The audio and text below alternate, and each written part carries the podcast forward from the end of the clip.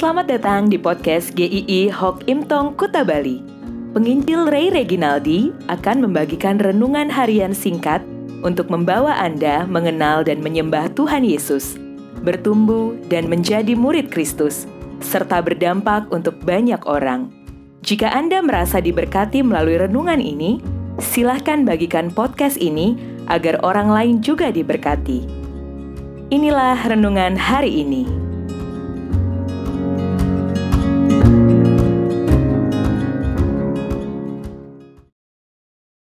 Menyamakan frekuensi Yohanes 15 ayat yang kelima. Barang siapa tinggal di dalam aku dan aku di dalam dia, ia berbuah banyak. Sebab di luar aku kamu tidak dapat berbuat apa-apa. Zaman dahulu kalau kita dengar radio, kita harus mencari frekuensi yang tepat.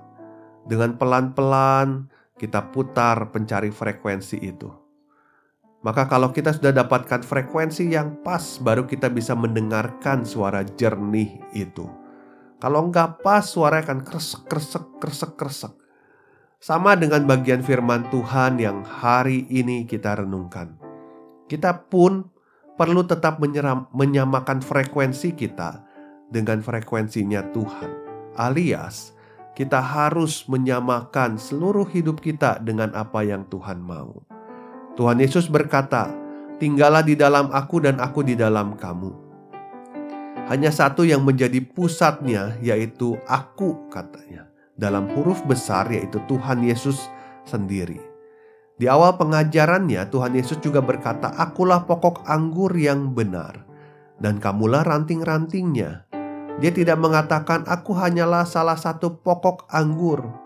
Dalam terjemahan lainnya lebih jelas lagi bahwa pokok anggur yang benar itu artinya yang sungguh-sungguh, yang asli hanya ini. Jadi satu-satu yang menjadi sumber yang benar adalah Tuhan Yesus sendiri.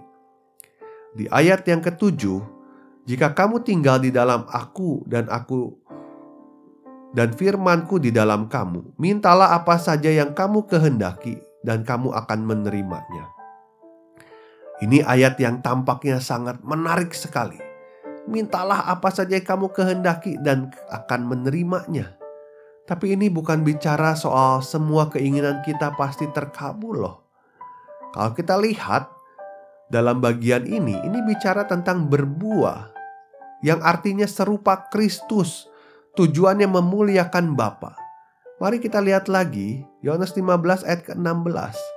Dan aku menetapkan kamu supaya kamu pergi dan menghasilkan buah dan buahmu itu tetap. Supaya apa yang kamu minta kepada Bapa dalam namaku diberikannya kepadamu. Jadi ini adalah satu permohonan yang meminta untuk senantiasa berbuah dan memuliakan Tuhan. Ini sebuah relasi yang bukan tentang kita, tetapi bagaimana kita mengikuti Tuhan. Ini semua tentang Tuhan. Sejak Tuhan Yesus mati menebus dosa kita, Dia membuka penghalang antara Allah dan kita. Ditandai dengan tabir bait Allah itu terbelah dari atas ke bawah. Relasi yang tadinya mustahil terseberangi dijembatani oleh Tuhan Yesus melalui kematiannya yang menebus dosa manusia. Relasi kita dengan Tuhan itu harganya sangat mahal, tidak pernah ada yang membayarnya kecuali Kristus sendiri. Kalau kita punya relasi dengan Tuhan yang lebih dekat dari hari ke hari, kita semakin kenal Dia.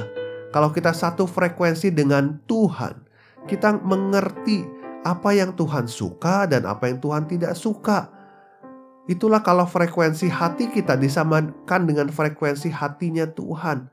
Kerinduan kita akan senantiasa memuliakan Tuhan. Kalau selama ini kita merasa jauh dari Tuhan, berkomunikasilah kembali dengan Tuhan setiap waktu. Mintalah supaya nantinya kita bisa lebih berkenan kepadanya, supaya hidup ini bisa berbuah dan memuliakan Tuhan. Frekuensi yang paling tepat adalah mengikuti Tuhan melalui firman Tuhan. Maka kita jangan salah frekuensi lagi. Kiranya Tuhan memberkati kita.